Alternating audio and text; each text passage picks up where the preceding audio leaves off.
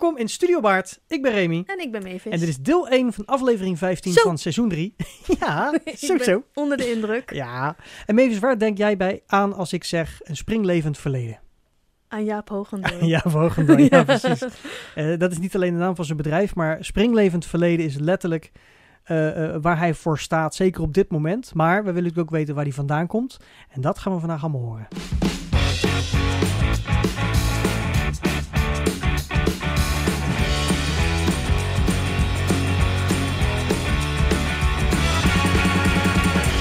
Jaap, van harte welkom in de studio. Dankjewel. Ja, wat leuk dat je er bent. Ehm, nou, we kennen elkaar allemaal al eh, hier in de studio. Eh, Mavis, Jaap, Remy. Ehm, want de eerste keer dat ik jou leerde kennen was tijdens eh Hex, het verdwenen dorp. De trainingen die we daar hadden. Ja. Was een voorstelling gebaseerd op het boek van Thomas Olderheuvel. Het boek was Het Verdwenen Dorp en de voorstelling werd Hex getiteld. Als ondertitel Het Verdwenen Dorp alsnog. En eh, jij gaf daar destijds samen met Lucia de gevechtstrainingen. Ja, er moest een groot gevecht in komen. Ja. En eh, Lucia die had mij eh, gevraagd om, om langs te komen en alle ja, figuranten en acteurs die erin zaten training te geven. En daar bleek ook een groepje te zijn die heel fanatiek was. Die echt het, het vechtgroepje werden. En daar zat jij tussen. Ja. Oh, Ja, ik, ik- ook hoor. Nou ja, jij zat er ook tussen. Dus Hallo. Ook, ja, oh, sorry. Ja. Nee, nee, En jullie ik had jou al daarvoor tussen. gezien. Want we zitten hier aan tafel met de Spartacus. Dat is ook weer zo. nog. Ja. Ja, ja, ja, dat is ook nog. eh, dat is daarvoor. Wacht even. Want dan, bij- welk jaar was dit dan? 2009 of zo. Nee, Hex. nee, Hex is 13 denk ik. Ja, 2013. dat zou wel kunnen, ja. En Ja. Ik ben wel oud, maar niet zo oud. dan zat je daarvoor ergens, was je, want ik had jou eerst al Spartacus gezien, dus dat was misschien wel 2012 of zo. Ja, dat zou kunnen. Ja. Even aan het nadenken. Ja, Negen jaar weg. Ja, nee, goed. Nee, dat was een van de laatste jaren dat ik bij Archeon werkte. En dan Ah, hebben we oké. volgens mij nu al heel veel hoofdstukjes gehad. heel snel. Nou ja, voordat we... Ja, maar we gaan er ook overal eh, lekker op in eh, het komende uur. Ehm, wat ik altijd leuk vind om te weten, en eh, zeker bij jou ben ik er ook heel benieuwd naar, is dat je doet allerlei dingen met, eh, met theater, entertainment, historie. Eh, waar begon dat voor jou? Wat, wat was jouw eerste aanraking met, met de vormen van theater en, en ehm, het vertonen zeg maar, van, van geschiedenis? Ja, ik vind eh, verhalen vertellen een van de leukste dingen er is. Of naar verhalen luisteren. ik vond eh, op school ehm, geschiedenis het mooiste vak en gymnastiek. Oh. Eigenlijk alle andere vakken wat minder interessant. Ehm, en op mijn elfde, twaalfde werd ik lid van de Nederlandse Jeugdbond voor Geschiedenis. Een vereniging die nog steeds bestaat en die heel veel musea bezoekt. En via die kwam ik bij een werkgroep die daar, eh, die daar binnen bestaat, werkgroep Experimentele Archeologie. En die gingen opeens allemaal boerderijen bouwen in de Biesbos en langs bij Archeon en daar te vrijwilligen. En in, in Apeldoorn, en bij het Hapskamp, waar je ook een groot terrein hebt. En in Wilhelminaoord en in Lelystad. En heel veel in prehistorische op Eindhoven. Ja. En daar gingen we onze eigen kleding namaken en vuurtjes maken. En slapen in ijzertijdboerderijen. En hoe oud was je toen? Toen was ik 15, toen ik Dat dat aan was- het doen was. Eerst heb ik heel ja. veel musea bezocht, wat ik dat helemaal fantastisch vond als kind. Heel veel in het RMO geweest, ehm, maar ook andere musea.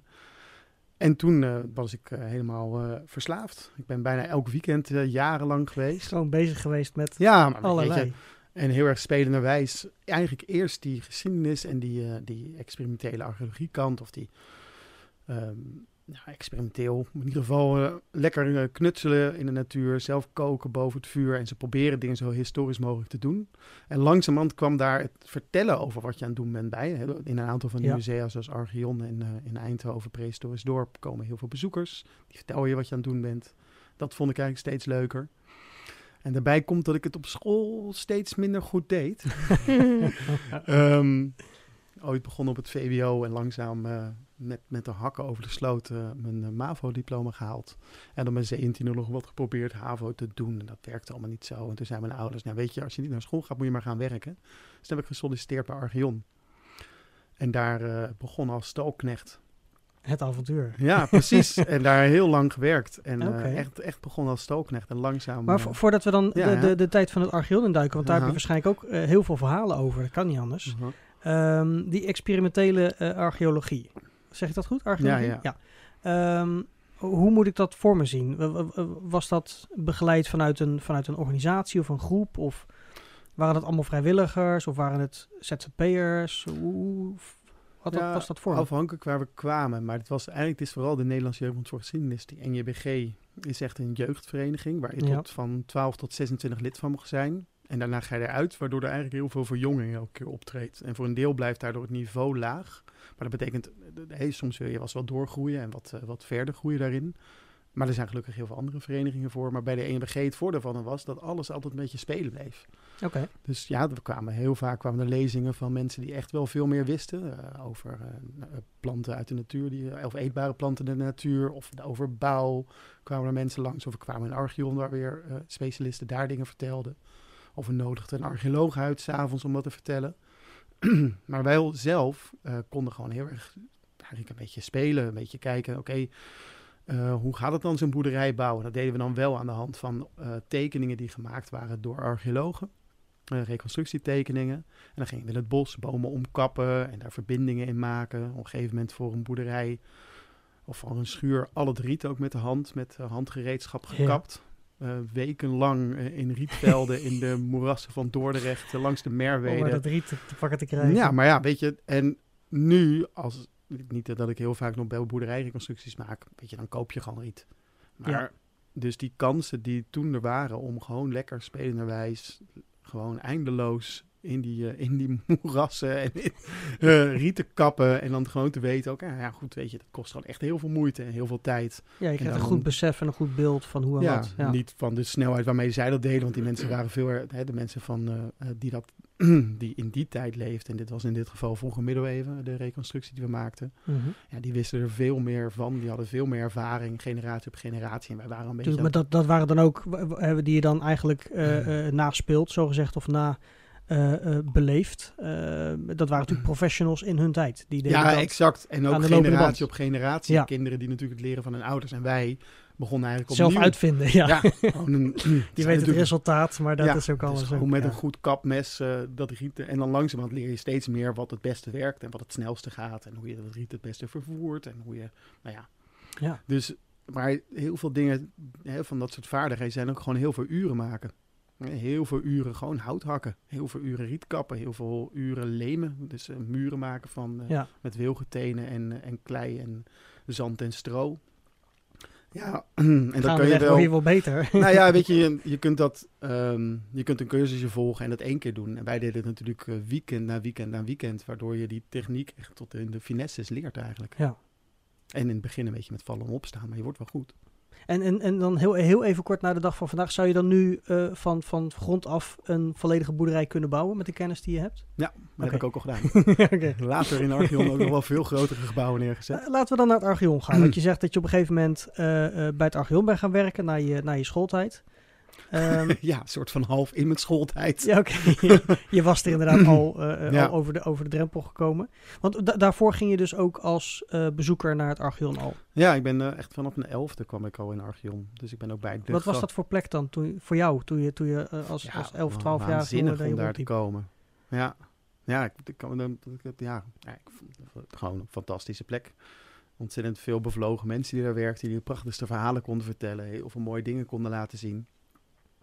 Gewoon daar rondlopen, daar, daar en dit is bij het, horen. ja, en dit is het oude Archeon, hè? dus het, het Ja, park dat 60 hectare groot was, waar je kon verdwalen eh, in de, in de koolveldza, eh, koolzaadvelden in de bronstijd. Ja. Ehm, ja, en dat was heel erg groot. Een heel erg, eh, heel erg intense beleving daar. Ja, Is, is, dat, is dat nu anders?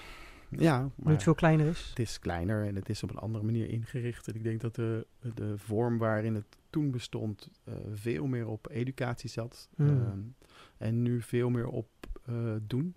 Oké. Dus veel bezoekers zelf laten doen, waar ik soms wel wat diepgang mis. Oké. Maar het is een keuze. Nou ja, ik kan me voorstellen dat Ja. dat voor, de, voor, voor het publiek een ander soort beleving is. Maar voor elke nieuwe bezoeker nog steeds wel een interessante beleving natuurlijk kan zijn. Ja.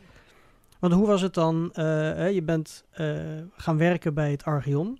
Toen, toen was je in één keer geen bezoeker meer. Toen kwam je daar gewoon in je dagelijkse dag Ja, liep je daar hele dagen rond. En, Ja, maar Archeon is jarenlang voor mij nog steeds gewoon elke dag een avontuur geweest hoor. ja. Ehm, omdat er zoveel ehm, ehm, elke keer weer te leren valt. En toen ik er ging werken was in de winter van 97, 98. Toen was Archeon net failliet hebben we, en kreeg een doorstart. Hebben we met z'n allen, toen was ik nog vrijwilliger, hebben we heel veel eh, van de boerderijen verzameld en op, eh, op wat, in een wat dichter op elkaar gezet. hè, waardoor Archeon kon verkleinen met de, bijna hetzelfde aantal eh, reconstructies. Zo.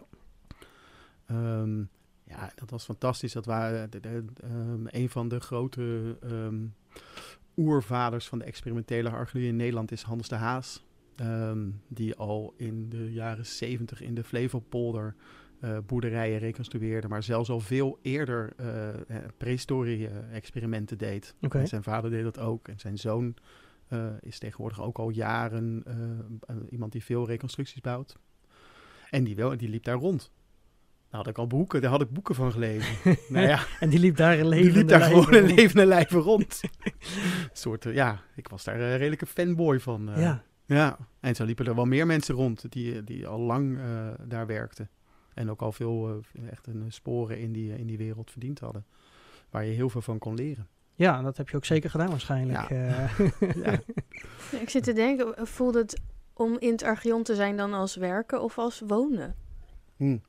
Nou, het is goed dat je het vraagt. want Ik heb er ook een tijdje gewoond. Oh ja, Eh, ja, kan dat? nou, nu niet meer. Kon dat? Nou, Ja, toen ik kwam werken, daar was Archeon eh, ehm, eigenlijk dus net failliet geweest. Werd er een heropstart. En dat eerste jaar dat ik daar werkte, in 98, was echt een, echt een kwakkeljaar. Hadden we soms eh 15 personeelsleden en hadden we net zoveel bezoekers of minder per op een dag. Dus dat was heel en dat is in het formaat van nu of formaat Dat is in het toen? formaat van nu. Ja, Ja, dus dat was... dus hè, is dat- 15 dat- op 5. Dit slaat Zo'n allebei nieuws over dat een park failliet gegaan is, dat is het... eh, dat, dat blijft, zo'n negatief nieuws, dat blijft Ja. enorm lang doorlopen. Ehm, en dat het eigenlijk een doorstart had gemaakt, dat is amper opgepakt door de media, maar dat het park failliet gegaan was. Dat heeft iedereen gemeld. eh, ja, ja, ja, ja. Dus dat hebben ook, nou, ik denk tot, tot de laatste keer dat ik daar werkte, eh, negen, acht, negen jaar geleden, maar zelfs nu in mijn eigen werk kom ik nog wel eens mensen tegen. Ja, maar dat Archeon, dat is toch failliet? ja, ja, zelfs dat Ja, blijft hangen. Nu nog. een- meer dan twintig jaar na dato. Zonde, hè? Ja. Ja. ja. Dus dat is lastig, hè? Om te zien dat je het zo'n eh, zo'n negatief Dus, verhaal... dus eh, lieve luisteraars, het Archeon is weer open. Ja, een tijdje. Ja. maar die... ehm, nee, ja, nee. Ja, weet je, eh, voor mij was dat gewoon eh, als mijn droomleven, heel lang. Ehm, en het was ook wel werk, maar ook wel een plek waar je... Ik kon daar blijven slapen, dus ik deed vaak vijf dagen werk en dan bleef ik drie of vier nachten daarvan slapen.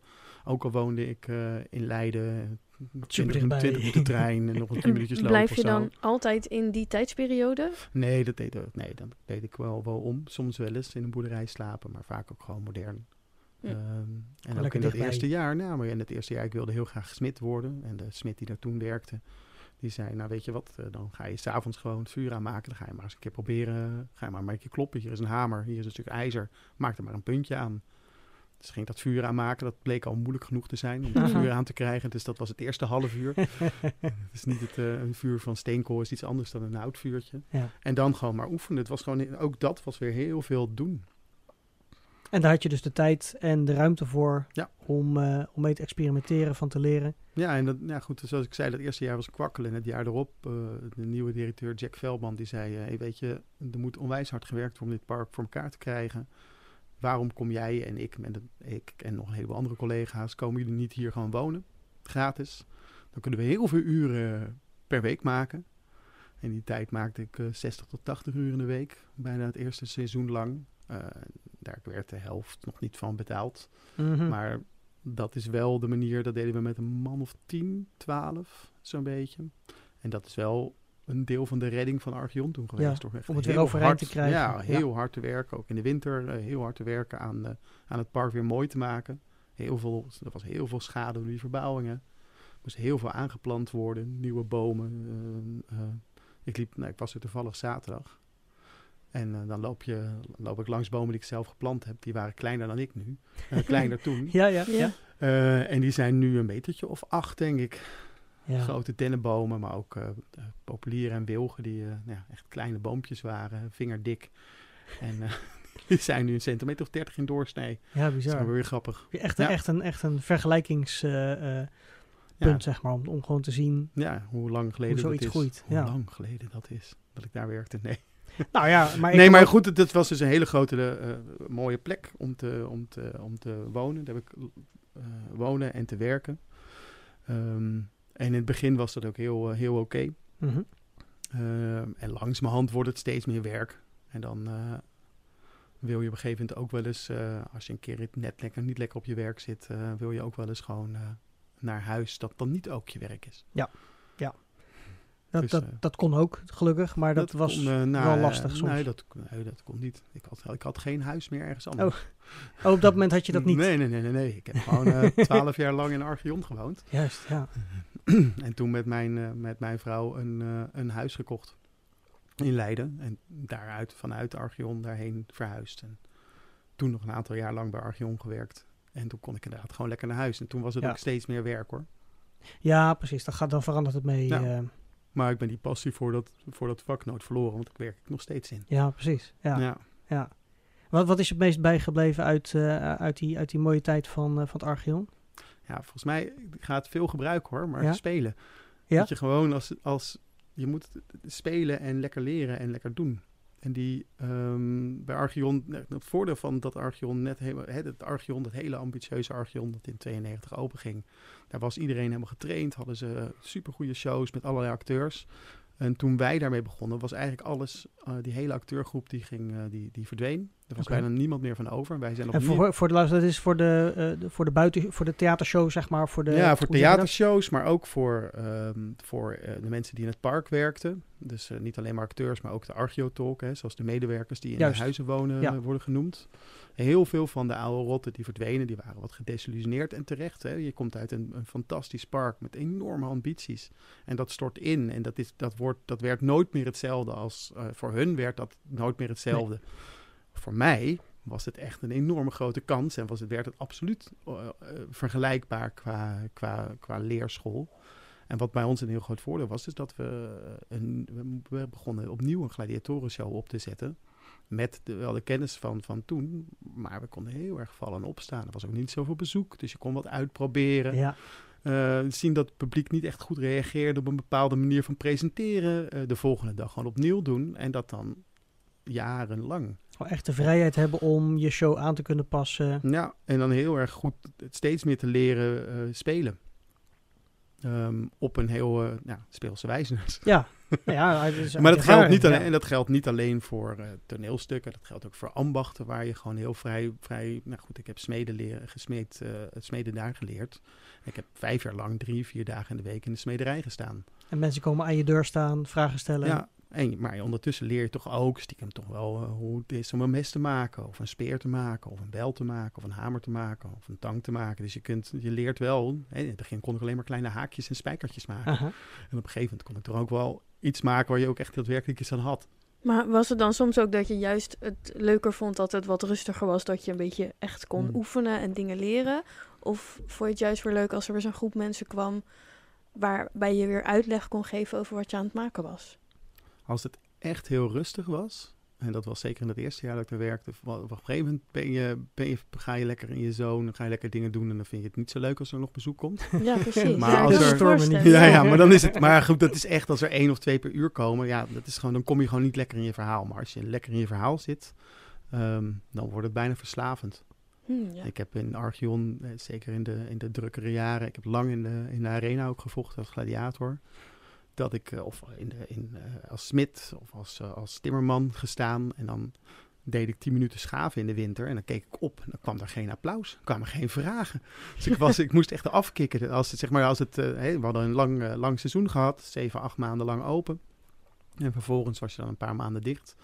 En dan moest ik echt afkicken Dat van, geen de, publiek van de aandacht van het publiek. Ja. Ja, Ja. als ik dan mijn hand opstak, dat er niet een applaus kwam van heel veel mensen.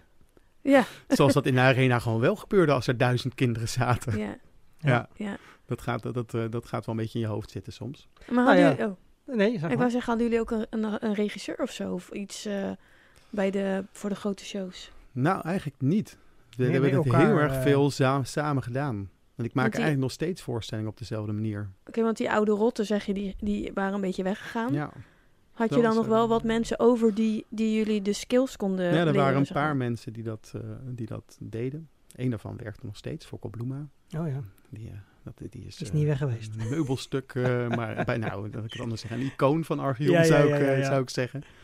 Die is eh, volgens mij vanaf het tweede of het derde seizoen eh, werkt hij daar. En dat is dus, we gaan richting eh, 30 jaar Archeon of zo. Dus eh die Ja. werkt er al heel erg lang. Nou, ik heb één keer eh, met een van de producties mee kunnen doen. eh, ook op uitnodiging weer eh, van Lucia. En jij was er ook bij betrokken bij Boudica. Daar was ik Ehm, niet meer bij betrokken. Toen was oh nee, het want dat was dat daarvoor was. natuurlijk. Ja, Ja. precies.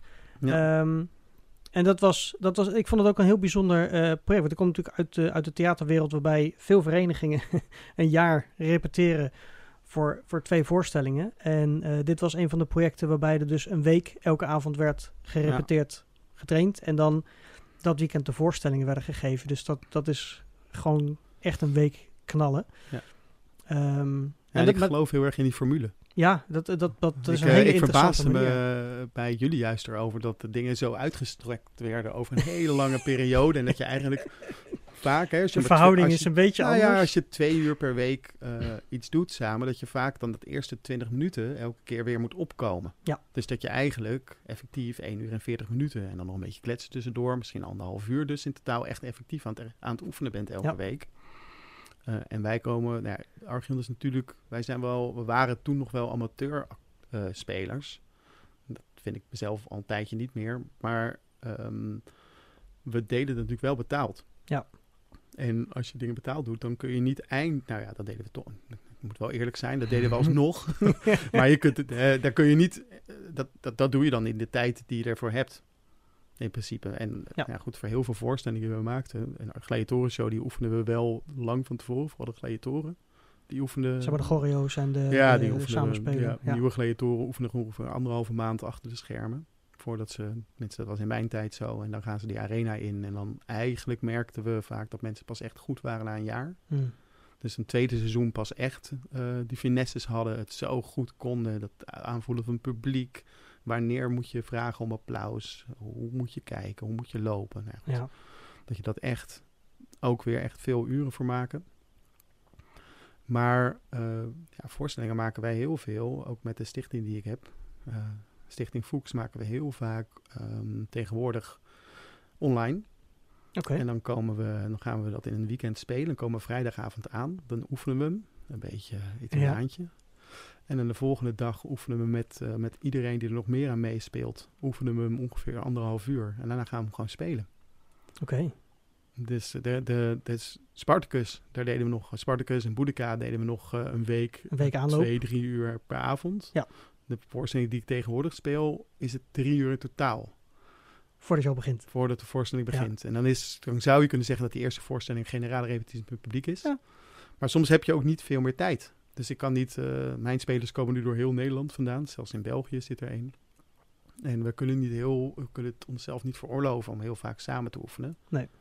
En als je eenmaal heel goed met eenzelfde team samenspeelt, en dan kun je online dat nog is best wel goed natuurlijk het repeteren. voordeel. eh, oh, ja, als je inderdaad eh, elkaar al, al zeker voor, voor hoe zeg je dat? Gevechtscènes en dat soort dingen. Als je natuurlijk elkaar al fysiek kent, is dat een stuk makkelijker om dat last minute dan Ja, eh, neer te zetten.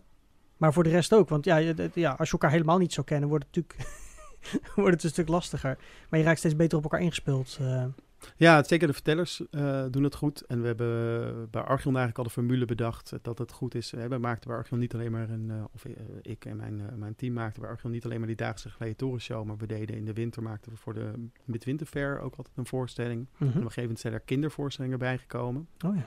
Eh, en dan speelden we de hele nou, decembermaand, soms ook nog wel in de voorjaarsvakantie, speelden we die voorstelling. De laatste die we gespeeld hebben.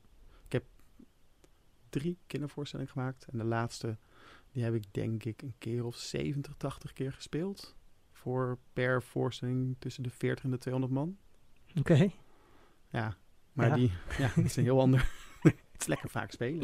Ja. Ja. Ja, Ja. maar die was ook wel af. Dus het werd wel ook, elke voorstelling die we maakten, werd ook wel beter en duurder. Tuurlijk, en ja, nog weer duurder. En, Dat is in principe wat, wat, wat ze bij de vereniging hier natuurlijk in de repetitie proberen om het start te krijgen voordat het publiek erbij zit. Maar het voordeel is dat des te meer voorstellingen je hebt, des te strakker het ook daar weer in wordt. Want dat hebben we hier Ja. met de buitenpark wel. Eh, dat zijn natuurlijk ook producties waar meer eh, voorstellingen aan vastzitten. En die worden wel eh, vaak net, net, net even wat strakker naar het einde toe. Nou, wat wij- ervaring bij, ons is het niet eens zoveel strak als ik voorstelling. Ik maak veel voorstellingen met reenactors, hè, die mensen Mhm. die, eh, die het verleden nadoen eh, als hobby. Die mooie kostuums hebben en wapens en eindeloos daarmee oefenen. En ook fantastisch ambachten beheersen bijvoorbeeld. Ehm, daar oefenen we, eh, daar gebruik je gewoon het talent. En dat is ook, eh, we gebruiken al die, ik ben bijna even mijn draad kwijt, maar wat ik eigenlijk wilde vertellen is dat je in ieder geval een voorstelling eh, uit componenten laat bestaan. Dus Ja. mijn vechters spreken niet, mijn sprekers vechten niet, mijn muzikanten spelen alleen maar muziek.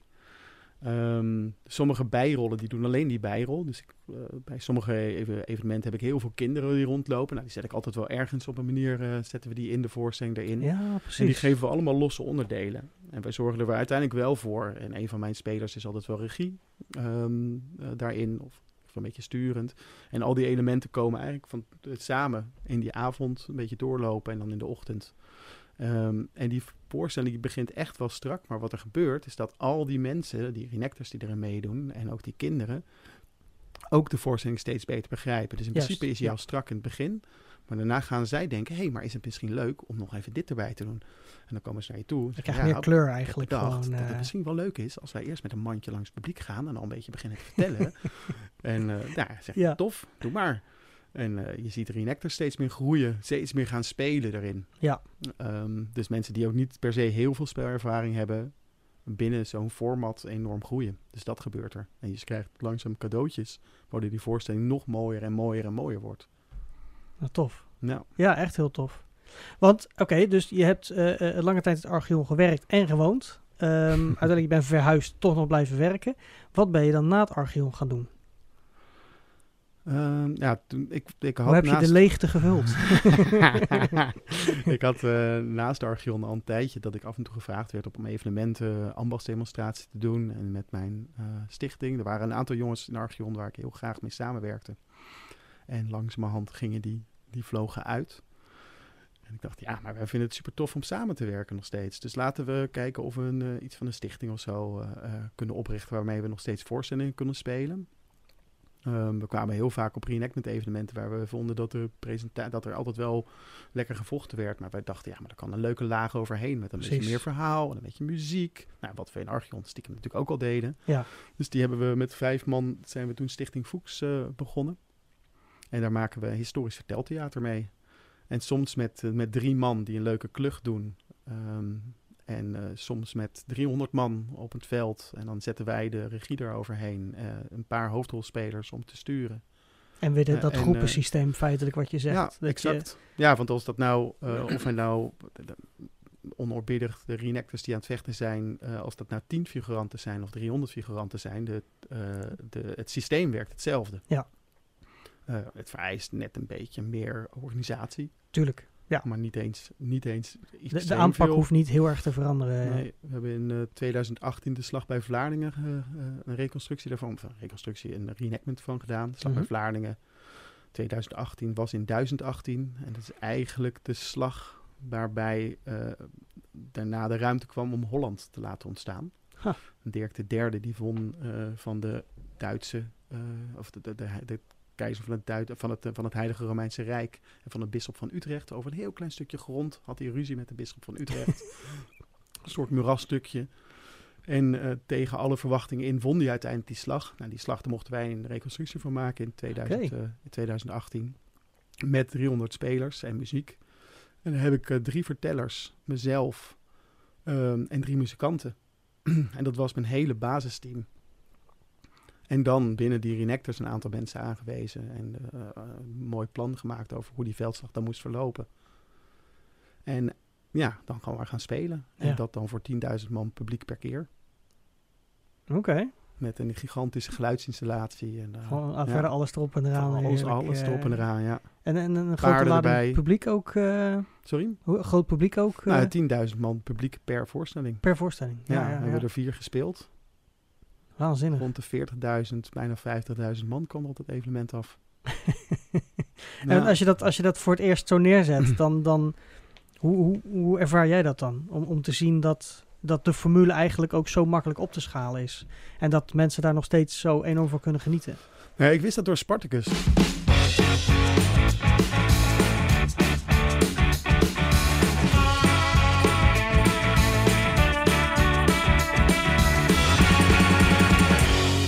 Eh, ja, super jammer, maar wij onderbreken even Jaap zijn verhaal. Ja, want eh, twee keer een half uur is veel leuker dan één keer een heel uur, ja, toch? precies. En ik zit hier met het boekje Drie kluiten op een hondje. Dat, daar staan alle theatervaktermen in. Mhm. En weet jij wat een kap betekent? Een kap. K-A-P, een kap. Ja, dat weet ik. Wat dan? Dat is namelijk het eh, hoogste gedeelte boven het toneel.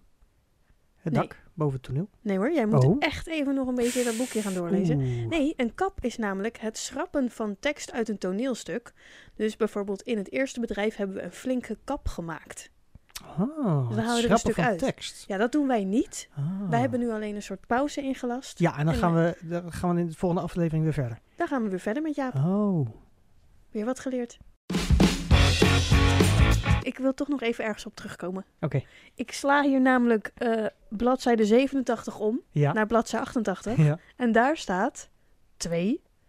De bovenkant van het toneelhuis. De hoge ruimte boven het toneel van de Schouwburg, waarin de trekken en daaraan de opgehangen doeken en decorstukken uit het zicht van het publiek kunnen verdwijnen. Oh, dus ik ben toch nog geslaagd voor mijn theorie. Zeker weten, ja. Oh. Sorry.